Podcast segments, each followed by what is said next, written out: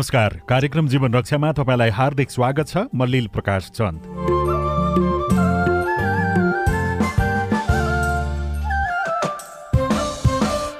सामाजिक शैक्षिक व्यावसायिक गतिविधि स्वास्थ्य सावधानी समसामयिक राजनीति परिवेशको बारेमा यो कार्यक्रममा हामी विशेषतः छलफल गर्छौं। सामुदायिक रेडियो प्रसारक संघ अकोराबद्वारा सञ्चालित सिआइएनको प्रस्तुति यो हो कार्यक्रम जीवन रक्षा कार्यक्रम जीवन रक्षा सिआइएन मार्फत मुलुकभरका सामुदायिक रेडियो वेबसाइट सिआइएन खबर dot com Facebook page CIN खबर सिआइएन साझा खबर मोबाइल एप सिआइएनबाट पनि तपाईँ सुनिरहनु भएको छ। आजको कार्यक्रम जीवन रक्षामा हामी चिसो मौसममा स्वास्थ्यमा देखा पर्न सक्ने समस्या र समाधानका लागि अप्नाउन सकिने उपायका बारेमा छलफल गर्दैछौँ। स्वस्थ रहनका लागि के कुरामा ध्यान दिने भन्ने बारेमा पनि हामी कार्यक्रममा कुराकानी गर्छौँ र आजको कार्यक्रममा लैङ्गिक हिंसा विरुद्धको अभियानको बारेमा पनि छलफल गर्नेछौँ। चिसोमा देखिने स्वास्थ्य समस्या र लैङ्गिक हिंसा विरुद्धको वर्षेनी मनाइने अभियान र यसको प्रभावको बारेमा तपाईँको पनि कुनै विचार वा जिज्ञासा छ भने हामीलाई अहिले नै फोन गर्न सक्नुहुनेछ। हामीलाई शून्य एक बाहन्न साठी छ सय एकसट्ठीमा अहिले नै फोन गर्नुहोला। शून्य एक बाहन्न साठी छ सय एकसट्ठी। तपाईँले कार्यक्रम जीवन रक्षा हाम्रो फेसबुक पेज सिआइएन खबरबाट सुन्दै हुनुहुन्छ भने त्यहाँ कमेन्ट गर्नुभयो भने पनि हामी तपाईँका जिज्ञासा सम्बोधनको प्रयास गर्नेछौँ। पछिल्लो समयमा मौसमको परिवर्तन सँगसँगै चिसो मौसमको सुरुवात सँगसँगै विभिन्न प्रकारका स्वास्थ्य समस्या लिएर स्वास्थ्य संस्थामा आउने बिरामीको सङ्ख्या पनि बढ्दै गएको छ।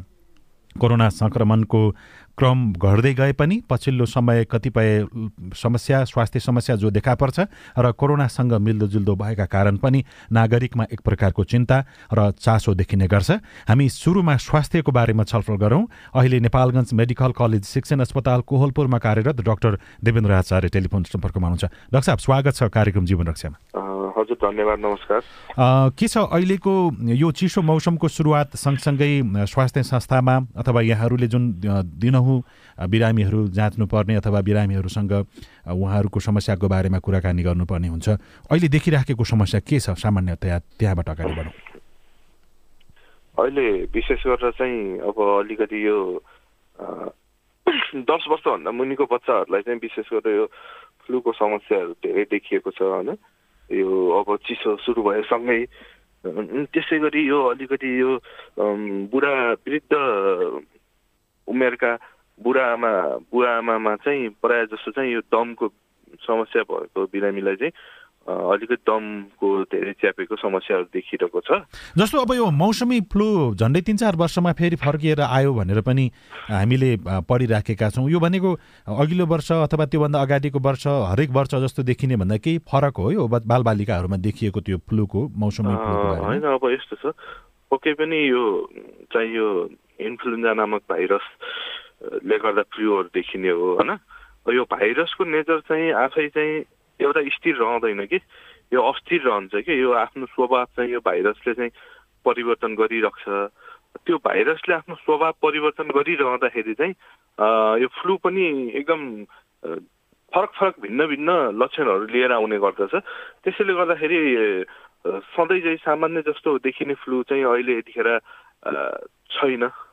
अनि यो सँगसँगै कोरोनाको सङ्क्रमणसँग अथवा कोरोनाको लक्षणसँग पनि मिल्दाजुल्दा लक्षणहरू देखिने भएर अभिभावक अथवा योसँग सरोकार जो हुनुहुन्छ उहाँहरूमा त्यो चिन्ता देखिन्छ। अब कति कस्तो समस्या कस्तो लक्षण देखियो भने यो कोरोना किनभने कोरोनाको सङ्क्रमण पुरै त्यो निमिट्यान्न भइसकेको छैन तर शङ्का लाग्ने अथवा आफैले आफैलाई अलिकति सावधानी अप्नाउनु पर्ने त आवश्यक छ नै। यो लक्षणमा के फरक हुन्छ? कोरोना र यो जुन मौसमी फ्लूको कुरा गर्नुभयो रुगाखोकीको।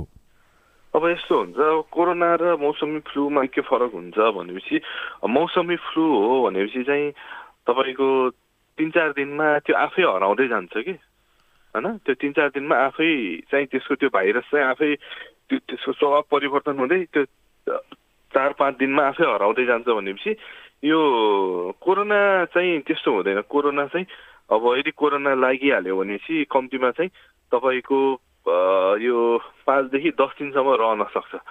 यसरी नै अलिक फरक छ यो दुइटामा लक्षण लक्षण भनेको चाहिँ त्यही रुगा लाग्नु अथवा ज्वरो आउनु मात्रै कि अथवा अरू केही फरक? यो चाहिँ यो लक्षण भयो भने चाहिँ कोरोना हुँदैन यो मौसमी फ्लूको रूपमा लिन सकिन्छ भनेर थाहा पाउन सकिन्छ।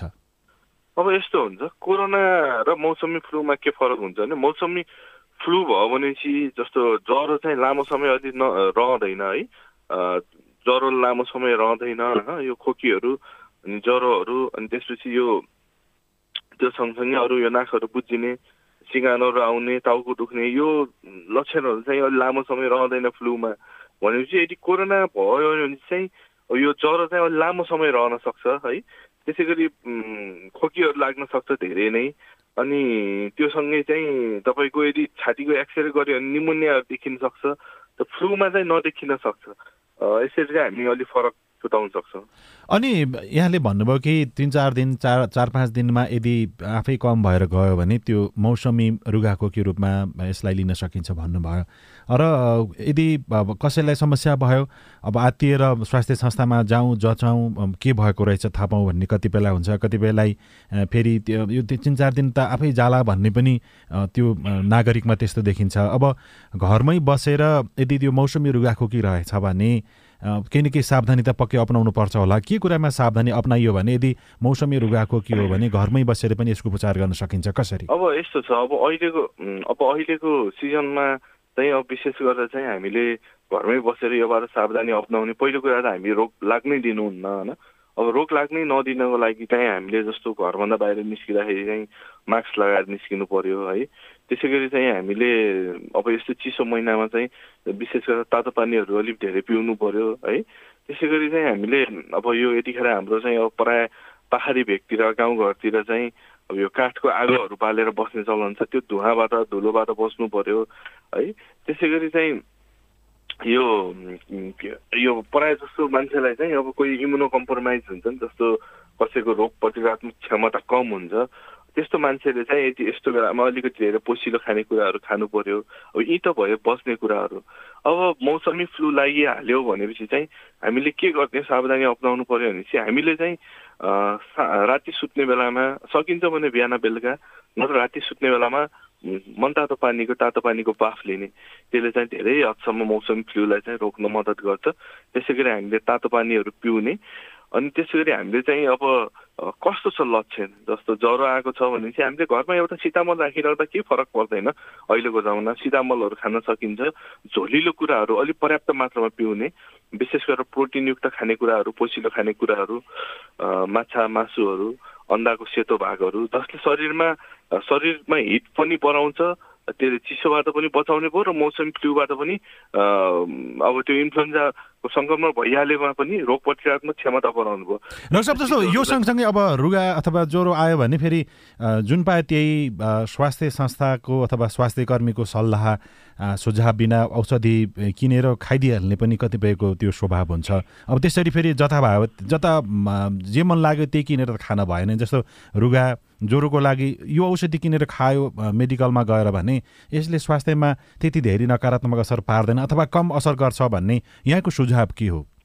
मेरो सुझाव के छ भनेपछि सब अब सबैलाई अब यो यसले गर्दा हामीले चाहिँ विगत यो दोस्रो लहरको कोरोना सङ्क्रमणमा चाहिँ धेरै नेपालीहरूले ज्यान गुमाउनुको एउटा कारण यो पनि हो कि कस्तो भयो भने चाहिँ मान्छेले चाहिँ अब यो रुगा खोकीहरू लाग्छ लाग्दा बित्तिकै मान्छे झुक्किन्छ कि। त्यसैले म सम्पूर्णलाई के सुझाव दिन्छु भनेपछि सपोज हामीले चाहिँ कुनै पनि रोग लागिहालेमा चाहिँ त्यो रोग के कारण लाग्यो भनेर त्यो कारणसहित के कारणले लाग्यो भनेर त्यो कारण के हो? त्यो निर्मूलन गर्न त्यो लाग्नुपर्छ। त्यसको लागि तपाईँ अब हामी सामान्य होइन अब नेपालको सबै मानिसहरू चाहिँ स्वास्थ्यको पहुँचभन्दा पहुँचमा छैनन् अलि बाहिर पनि हुनुहुन्छ। सबै मान्छेले आम चिकित्सकलाई भेट्न पनि पाउँदैनन् होइन पहुँचभन्दा बाहिर हुन्छन्। त्यसरी चाहिँ म यहाँहरूलाई के सुझाव दिन्छु भने चाहिँ सकभर चाहिँ हामीले रोगको कारण पत्ता लगाएर चाहिँ त्यसको औषधि सेवन गऱ्यौँ भनेपछि हामीले चाहिँ टाइममै त्यो रोग पत्ता लाग्छ र त्यसको औषध सेवन गऱ्यो भनेपछि मान्छेलाई ठिक हुन्छ मान्छेलाई ठिक हुन्छ र त्यो स्वस्थ बन्छ।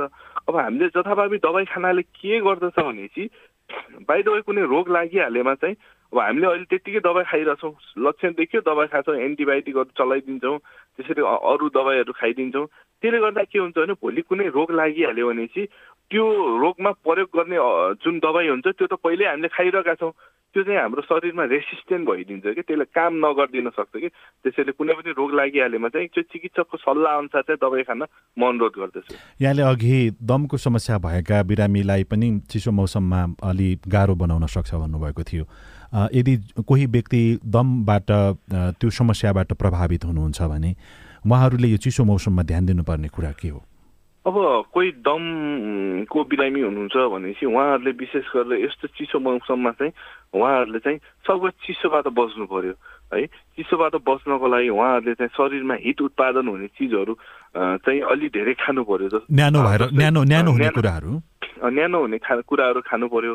है अनि उहाँहरूले जुन दबाई सेवन गरिराख्नु भएको छ त्यसलाई नियमित रूपमा त्यसको त्यो त्यसको मात्रा बढाउनु पर्यो र त्यसलाई नियमित अनुसार नियमित रूपमा खानु पर्यो।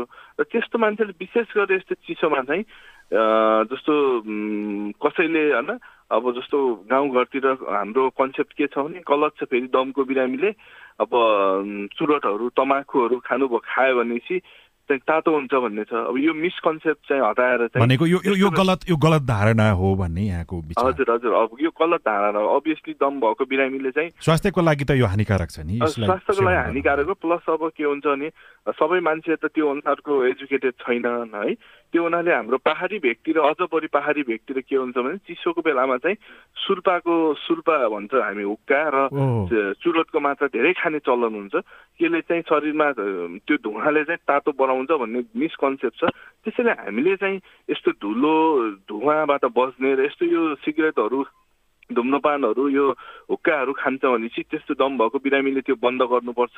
र चिसोबाट जति सकिन्छ आफूले आफूलाई बस्ने र शरीरमा हित उत्पादन हुने चिजहरू जस्तो तातो पानीहरू पिउने त्यसै गरी चाहिँ मैले अघि पनि भने प्रोटिनको मात्राहरू शरीरमा बढाउने खाने झोलिलो कुराहरू अलिकति तातो झोलिलो कुराहरू अलिक धेरै खानाले चाहिँ यो दम भएका बिरामीले चाहिँ विशेष गरेर यो चिसो महिनामा चाहिँ फर्दर जस्तो निमोनियाहरू हुनबाट बस्न मद्दत गर्दछ यहाँले जुन यो सुल्पा र हुक्काको कुरा गर्नुभयो यो त दमको बिरामीले मात्रै होइन कि कुनै पनि स्वस्थै व्यक्तिले पनि खानु भएन यसको सेवन गर्न यदि यदि यस्तो प्रकारको व्यवहार गरियो भने यसको दीर्घकालीन असर के हुन सक्छ? छोटकरीमा बताइदिनु। अब यसको दीर्घकालीन असर के हुन सक्छ भनेपछि यसले चाहिँ यो जुन धुलो धुवा यो के अरे यसले गर्दा के हुन्छ भने हाम्रो यो जुन यो फोक्सोको चाहिँ जुन हामी यो ब्रोङ्कियल्स भन्छ। यो ब्रोङ्कियल्समा चाहिँ हाम्रो के हुन्छ भनेपछि ब्रोङ्कियल्स ब्रोङ्कियोलाई एल्बोलाई भन्छ हामी मेडिकल भाषामा फोक्सोको भित्र भाग हुन्छ। त्यो भागमा चाहिँ यो धुलो चाहिँ गएर तासिन्छ। यो धुलो गएर तासिएर दीर्घकालीन रूपमा के हुन्छ भनेपछि जुन सास प्रश्वास जुन सानसानो नली हुन्छ त्यहाँ ब्रोङ्कियल्स भन्छौँ हामी मेडिकल भाषामा त्यो चाहिँ ब्लक गरिदिन्छ। त्यो चाहिँ त्यसको त्यसको नली चाहिँ खुम्चाइदिन्छ। त्यसको नली खुम्चायो भने चाहिँ हामीलाई सास प्रश्वासमा प्रब्लम हुनसक्छ र यसले गर्दा चाहिँ जस्तो अरू सेकेन्डरी इन्फेक्सन भन्छ हामी जस्तो निमोनियाहरू त्यसै गरी चाहिँ हामी अरू फोक्सोमा लाग्ने अन्य रोगहरू पनि लाग्ने सम्भावना धेरै हुन्छ। हस् समय दिनुभयो यहाँलाई धेरै धेरै धन्यवाद छ डाक्टर साहब। हस् मलाई पनि हजुरको कार्यक्रममा आएर यसरी केही कुराहरू आम जनतामा राख्ने मौका दिनुभएकोमा म पनि हजुरको चाहिँ आभारी छु धन्यवाद। नेपालगञ्ज मेडिकल कलेज शिक्षण अस्पताल कोहलपुरका डाक्टर देवेन्द्र आचार्य हुनुहुन्थ्यो। उहाँसँग हामीले चिसो मौसममा अपनाउनु पर्ने सावधानी र देखिन सक्ने समस्या र समस्या समाधानका लागि अपनाउनु पर्ने कदमको बारेमा कुराकानी गऱ्यौँ। कार्यक्रम जीवन रक्षा सामुदायिक सूचना नेटवर्क सिआइएनबाट यहाँले सुनिरहनु भएको छ। कार्यक्रम जीवन रक्षामा भने अब फेरि अर्को जीवन रक्षाको कुरा गरौँ। लैङ्गिक हिंसा विरुद्ध विरुद्धको अभियान अहिले सञ्चालनमा छ र यो अभियान लैङ्गिक हिंसा विरुद्धका विभिन्न गतिविधिलाई रोकथाम यस्तो बढाउँदै र हिंसा नियन्त्रण गर्ने र हिंसा विरुद्धको अभियानलाई अगाडि बढाउने मुख्य गरी यो अभियान हो। यो अभियान कसरी सञ्चालन हुँदैछ? हामी अब कुराकानी गर्दैछौँ। सामुदायिक वन उपभोक्ता महासङ्घका अध्यक्ष भारती पाठकज्यू अहिले हामीसँग टेलिफोन सम्पर्कमा हुनुहुन्छ। अध्यक्षज्यू स्वागत छ कार्यक्रम जीवन रक्षामा। हस् धन्यवाद। यो जुन लैङ्गिक हिंसा विरुद्धको अभियान यो विभिन्न सरोकारवाला निकाय सरकार र सरकार मातका सङ्घ सङ्गठनबाट पनि सञ्चालन भइराखेको छ र सामुदायिक वन उपभोक्ता महासङ्घले पनि एउटा अभियानकै रूपमा यसलाई सतहत्तरै जिल्लामा सञ्चालन गर्नुपर्छ भनेर तपाईँहरू लागिराख्नु भएको छ। के के छ गतिविधिहरू त्यहीँबाट अगाडि बढौँ। धन्यवाद छ यहाँलाई विशेष गरिकन सिआइएनमा मार्फत चाहिँ सामुदायिक वन उपभोक्ता महासङ्घ नेपालले बनाएको योजनाहरू सार्वजनिक गर्ने मौका पायौँ। सामुदायिक वन उपभोक्ता महासङ्घ नेपालले यो सोह्र दिन मात्रै होइन लैङ्गिक हिंसा विरुद्धको अभियान चाहिँ तिन सय पैँसठी दिन नै धेरै ठाउँमा त्यस्ता खालका भाइलेन्सहरू हिंसाहरू भइराखेको छ। जुन कुरा चाहिँ बाहिर अझ आउन सकेका छैन। त्यो ठाउँमा पनि सामुदायिक वन उपभोक्ता समूहहरूलाई पुर्याउने काम गरिराखेका छ। र अहिलेको हाम्रो यो सोह्र दिनको अभियानलाई विशेष कार्यक्रमको रूपमा राष्ट्रिय अन्तर्राष्ट्रिय स्तरमै मनाइने कार्यक्रम भएकोले यसलाई अभियानको रूपमा लैजाउँ भनेर हामीले सुरुवात गरेका छौँ। नोभेम्बर पच्चिसदेखि डिसेम्बर दससम्म यो सोह्र दिने अभियानको कार्यक्रमलाई सतहत्तरवटै जिल्लामा बाइस हजार समूहसम्म पुग्ने गरी जहाँ चाहिँ घटनाहरू घटिराखेका छन् र जहाँ घटना घट्न सक्ने सम्भावनाहरू छन् देखिन्छ जुन कुरा अदृश्यमा छ त्यो ठाउँसम्म पुग्नको लागि महासङ्घले एउटा क्यालेन्डर नै बनाएको छ र हामीले नौ गतेदेखि मङ्सिर नौ गते नोभेम्बर पच्चिसदेखि यो कार्यक्रम सुरुवात गरेका छौँ। कार्यक्रम जनचेतनामूलक कार्यक्रमको रूपमा अगाडि बढाइएको छ। विभिन्न खालका कार्यक्रमहरू छन्। केन्द्रले तय गरेको त्यसमा प्रदेश महासङ्घले जिल्ला महासङ्घ र स्थानीय महासङ्घहरूले सामुदायिक वन उपभोक्ता समूहहरूले अझ कार्यक्रमलाई थप गरेर समय ठाउँ त्यहाँको परिवेश अनुसार चाहिँ चेतनामूलकको कार्यक्रम गर्न सक्ने त्यो स्पेस पनि सामुदायिक नेपालले राखेको छ र यहाँले जुन यो अघि पनि भन्नुभयो यो कि कुनै अभियानको बेलामा सात दिन दस दिन एघार दिन मात्रै होइन कि वर्षैभरि तिन सय पैँसठी दिन नै यो कार्यक्रम सञ्चालन गर्ने पक्षमा तपाईँहरू छौँ भनेर भन्नुभयो। र अहिले यो अभियानकै क्रममा के के गर्दै हुनुहुन्छ? यो छोटो समय अवधिको समयावधिको लागि यहाँहरूले बनाउनु भएको योजना कस्तो छ? कुनै हामीले यो सोह्र दिनमा बनाएको योजना चाहिँ एउटा चेतनामूलक र्याली सचेतनामूलक कार्यक्रम चाहिँ प्रत्येक जिल्ला र सामुदायिक वन उपभोक्ता समूहमा गर्ने भनेर हामीले आयोजना गरिरहेछौँ। सबै जिल्लाहरूले गरिराखेका छ। अर्को चाहिँ यो चाहिँ भाइलेन्स स्टप भनेर हामीले स्ट्यान्डअप कार्यक्रम गर्ने भनेर सबै जिल्ला र केन्द्रमा पनि त्यो कार्यक्रमको आयोजना गरेका छौँ।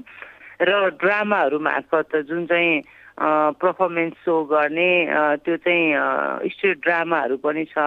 त्यसपछि आर्टहरू गर्नेछ लिखित रूपमा जुनले चाहिँ कस्ता खालका भाइलेन्सहरू भइराखेका छ भन्ने कुरालाई झल्काउने गरी हामीले चाहिँ स्कुल कलेजहरू र त्यो आर्ट गर्ने विभिन्न क्षेत्रहरूसँग समन्वय गरेका छौँ। हाम्रो कार्यक्रमको स्टार्ट चाहिँ हामीले कलेजहरूबाट गऱ्यौँ कम्युनिटी र कलेजहरूबाट।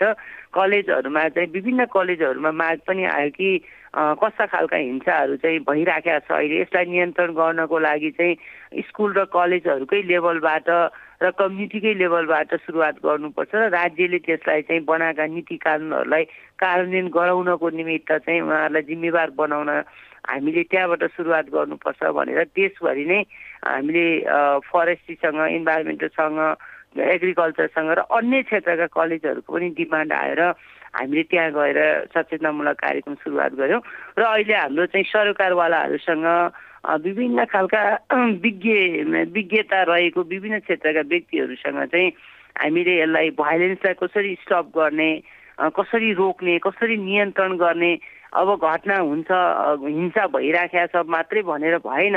यसलाई रोक्नको लागि यसलाई अन्त्य गर्नको लागि चाहिँ हाम्रो बिचको सङ्कल्पहरू विभिन्न संस्थागत हुन्छ व्यक्तिगत सङ्कल्पलाई कसरी अगाडि बढाउने भनेर हामीले भोलि पनि विज्ञ टिमहरूसँग छलफल छ भने अर्को चाहिँ सोसियल मिडिया मार्फत जस्तो रेडियो टेलिभिजन अनि त्यसपछि अनलाइन मार्फत फेसबुक मार्फत चाहिँ विभिन्न खालका रचनाहरू त्यस्ता खालका घटनाहरूलाई चाहिँ बाहिर ल्याउने र जुन पीडित छ उसले पनि आफ्नो विचारहरू आफूले लागेको आफ्ना कुराहरू चाहिँ बाहिर ल्याएर अझ यस्ता खालका घटनाहरू हुन नदिनको लागि चाहिँ बढी चाहिँ नियन्त्रणको लागि रोकथामको लागि चाहिँ हामीले सबै सरकारवाला निकायहरूसँग सहकारी गरेर अगाडि बढ्नुपर्छ भनेर हामीले हाम्रो क्यालेन्डर अनुसार काम गरिराखेका छौँ। र अब निर्वाचन भर्खरै प्रदेश र सङ्घीय निर्वाचन अब सकिँदैछ। हाम्रो यही सोह्र दिनको अभियानभित्र निर्वाचित जनप्रतिनिधि प्रदेश सङ्घ र स्थानीयको जनप्रतिनिधिहरूसँग पनि हामी छलफल गर्छौँ। विशेष गरिकन बनाएको नीति र कानुनलाई कार्यान्वयन गराउने सामुदायिक सङ्गठनहरूलाई परिचालन गर्ने विभिन्न क्षेत्रहरूलाई परिचालन गरेर सहकार्य गरेर यो चाहिँ जुन हिंसालाई हिंसा मुक्त समाज बनाउन चाहिँ राज्य पनि जिम्मेवार बन्नुपर्ने भएकोले गर्दाखेरि उहाँहरूसँग चाहिँ उहाँहरूको कमिटमेन्ट उहाँहरूसँगको अबको भोलिको प्लानको विषयमा छलफल गर्ने भनेर हामीले योजना बनाएको छौँ। यहाँ मात्रै होइन। हामीले यो भर्चुअल मार्फत चाहिँ इन्टरनेसनल लेभलमा वुमेन राइट्सको क्षेत्रमा महिलाहरूको अधिकारको क्षेत्रमा काम गर्ने सङ्घ संस्था व्यक्तिहरूसँग पनि अन्तर्राष्ट्रिय स्तरमा कसरी मनाउँदैछ कस्ता कस्ता घटनाहरू भइराखेको छ अब नेपालको कन्टेक्समा हेर्ने हो भने अहिले पनि हामीले विभिन्न तथ्याङ्कहरू हेर्दाखेरि प्रदेश वाइज हेर्दा पनि एक नम्बर प्रदेश दुई नम्बर प्रदेश मधेस प्रदेश यस्तो गरी धेरै ठाउँमा कति पर्सेन्टेजहरू देखिन्छ घटनाका प्रकृतिहरू फरक फरक देखिन्छ। अब हामीले नेसनल लेभलमा पनि कहाँ बेसी घटनाहरू त्यस्तो भइराखेको छ त्यसलाई प्रायोरिटी दिएर अगाडि बढ्नुपर्ने र अन्तर्राष्ट्रिय स्तरमा पनि यसलाई हिंसा अन्त्यको लागि गरिएका प्रयासहरू त्यस्ता खालका टुल्सहरू विधिहरू चाहिँ हामीले पनि गर्ने र हाम्रो सिकाइलाई पनि अन्तर्राष्ट्रिय स्तरमा पुर्याउने भनेर हामीले नीतिगत संवाददेखि लिएर समुदायसँगको छलफल र सचेतनामूलक कार्यक्रमलाई चाहिँ विशेष गरी हामीले यो सोह्र दिनको अभियानमा जोडेका छौँ र यो जस्तो यहाँले यो अभियान सोह्र दिनको अभियान अन्तर्गत यो जुन छलफल हुँदैछ भन्नुभयो यहाँले त्यसअनुसार तपाईँहरूले तयारी पनि गर्नुभएको छ। हामी जुन यो विज्ञ क्षेत्रमा अथवा विद्यालय क्षेत्र हुन त यो जतिसुकै विज्ञ भए पनि त्यो एउटा जोखिममा त जो पनि रहने नै भयो जुनसुकै समुदाय पनि रहने भयो तर सामुदायिक वन उपभोक्ता महासङ्घ भनेपछि सबभन्दा धेरै सरोकार राख्ने र जोखिममा रहने भनेको उपभोक्ता तहमा तल्लो गाउँ स्तरमा रहेका दिदीबहिनीहरू यो हिंसाबाट टाढा रहनुहोस् अथवा हिंसा नहोस् भनेर काम गर्नुपर्ने होला। त्यो सदस्यता स्तरमा अथवा जति बिस हजारभन्दा बढी सामुदायिक वन यहाँहरूको सदस्यता सदस्य सामुदायिक वन हुनुहुन्छ त्यहाँका नागरिकलाई सुसूचित गर्ने ढङ्गबाट तिन सय पैँसठी दिन अथवा वर्षैभरि कुनै त्यस्तो यो कार्यक्रम गरेका छौँ ताकि यो लैङ्गिक हिंसा नहोस् भन्नको लागि अथवा हिंसा कसैले गर्छ भने उसलाई कारवाहीको व्यवस्था छ भन्ने बारेमा चेतना जगाउनको लागि काम गरिराखेका छौँ भन्नलाई केही छ कि छैन तपाईँहरूसँग? छ एकदमै हामीले अहिले मात्र होइन हामीले गत साल चाहिँ यही सोह्र दिने अभियानकै क्रममा सामान्य राष्ट्रपति मार्फत हामीले सार्वजनिक गरेका छौँ। हाम्रो आचार संहिताहरू बनाएको छौँ सामुदायिक वनभित्र र अन्य क्षेत्रमा पनि जुन चाहिँ हिंसा हुन नदिन हिंसा सहदिन र हिंसा पनि गर्दिन भन्ने जुन कमिटमेन्ट सहित हामीले बनाएको चाहिँ सार्वजनिक गरेको दस्तावेज आज मात्रै होइन आज फेरि नयाँ बनाउनु पर्छ भन्ने छैन। घटना त्यस्तै खालका घटनाहरू दोहोरिराखेका छन्। त्यसले गर्दाखेरि हाम्रो कार्यक्रमको फोकस चाहिँ समुदाय नै हो। किनकि मैले भने हाम्रो सोह्र दिन कन्टिन्यू हामीले चाहिँ सामुदायिक बनौता समूहहरूकै नेतृत्वमा घर दैलो र्यालीहरू गर्छौँ त्यहाँ ड्रामाहरू देखाउँछौँ त्यहाँ अन्तर्क्रिया गर्छौँ। स्थानीय सरकार र समुदायको बिचमा यसलाई कसरी चाहिँ नियन्त्रण गर्न सकिन्छ कसरी यो हिंसालाई अन्त्य गर्न सकिन्छ भन्ने कुरासँग हामीले हाम्रो कार्यक्रमहरूलाई सधैँ नै जोडिराखेका छौँ। तर यो पटक पनि हामी तिन तहको कार्यक्रम एउटा नेसनल लेभलको किन कानुनहरू यहाँ बन्छ नीतिहरू यहाँ बन्छ बनेका कानुन नीतिहरू चाहिँ अब घरभित्र बस्छ अब हाम्रो राज्यको पनि राज्यले पनि सहकार्य गरेर जानुपर्ने कतिपय कुराहरू चाहिँ छ। किन भन्दा भाइलेन्स किन भइराखेको छ? घटनाहरू के छ? एउटा त मान्छेको सोचमा नै परिवर्तन गर्न सकेका छैन होइन? त्यस्तो खालका घटना अपराधिक घटनाहरू छन्। शारीरिक रूपमा हुने मानसिक रूपमा हुने घटनाहरू देखिराखेका छैन। अहिले पनि घरेलु हिंसाको कुरा छ वनभित्रै कुरा गर्ने हो भने वनमै काम गर्ने चाहिँ महिला दिदीबहिनीहरू सुरक्षित हुनुहुन्न। तपाईँ हामीसँग ताजा अनुभव छ जस्तो चाहिँ धनगढीमा अतरियामा चाहिँ गस्ती गर्न जाँदाखेरि नन्दादेवी कुवरको चाहिँ तस्करबाट हात काटियो आजभन्दा आठ दस वर्ष अगाडि। त्यस्ता घटनाहरू छन् अपशब्दहरू चाहिँ सहनुपर्छ घाँस दाउरा गर्न जाँदाखेरि।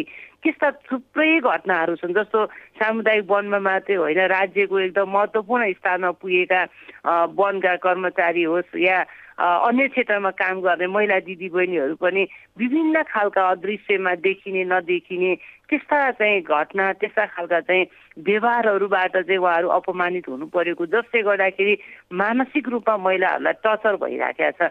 त्यस्तो घटनाहरूलाई अन्त्य गर्नको लागि एक पक्षबाट गर्छु मैले गरे हुन्छ भन्ने मात्रै होइन। तर हाम्रो ठुलो नेटवर्क भएको समुदायसम्म पुग्नुपर्ने समुदाय सचेत रहनुपर्ने कस्ता खालका घटनाहरूसँग हामीले प्रतिकार गर्ने र राज्यलाई जिम्मेवार बनाउने भन्ने कुरा चाहिँ हामी जस्तो नागरिक सङ्गठन हामी जस्तो बिस बाइस हजार सामुदायिक बनाउँदा समूहमा पुग्न सक्ने नेटवर्क हामी भएकोले हामीले हाम्रो कार्यक्रम बनायौँ। अहिले पनि राज्यले बनाएको देखिँदैन। सरकारको कार्यक्रम छ भने सुनिन्छ र कसैले पनि सरकारको कार्यक्रमसँग ल यति ठुलो नेटवर्कलाई सहकारी गरेर जाउन भनेको देखिँदैन। वन मन्त्रालय आफै लैङ्गिक हिंसा विरुद्धको अभियानमा उहाँहरूको स्केड्युलभित्र पर्दैन। यो त सबैको बन्नु पर्यो जस्तो भनेको सामुदायिक वन उपभोक्ता महासङ्घले वर्षैभरि कार्यक्रम चलाउँछ र यो हिंसा नहुन हुन दिन हुन नदिनको लागि यो सदस्य सामुदायिक वनका त्यहाँका उपभोक्तासम्म पुग्ने गरी यहाँहरूको कार्यक्रम निरन्तर रूपमा कार्यक्रमसँग जोडिन्छ। हामीले वर्षभरि गरेको कार्यक्रममा एउटा न एउटामा लैङ्गिक हिंसा विरुद्धको कार्यक्रम हामी जोडेरै गएका हुन्छौँ।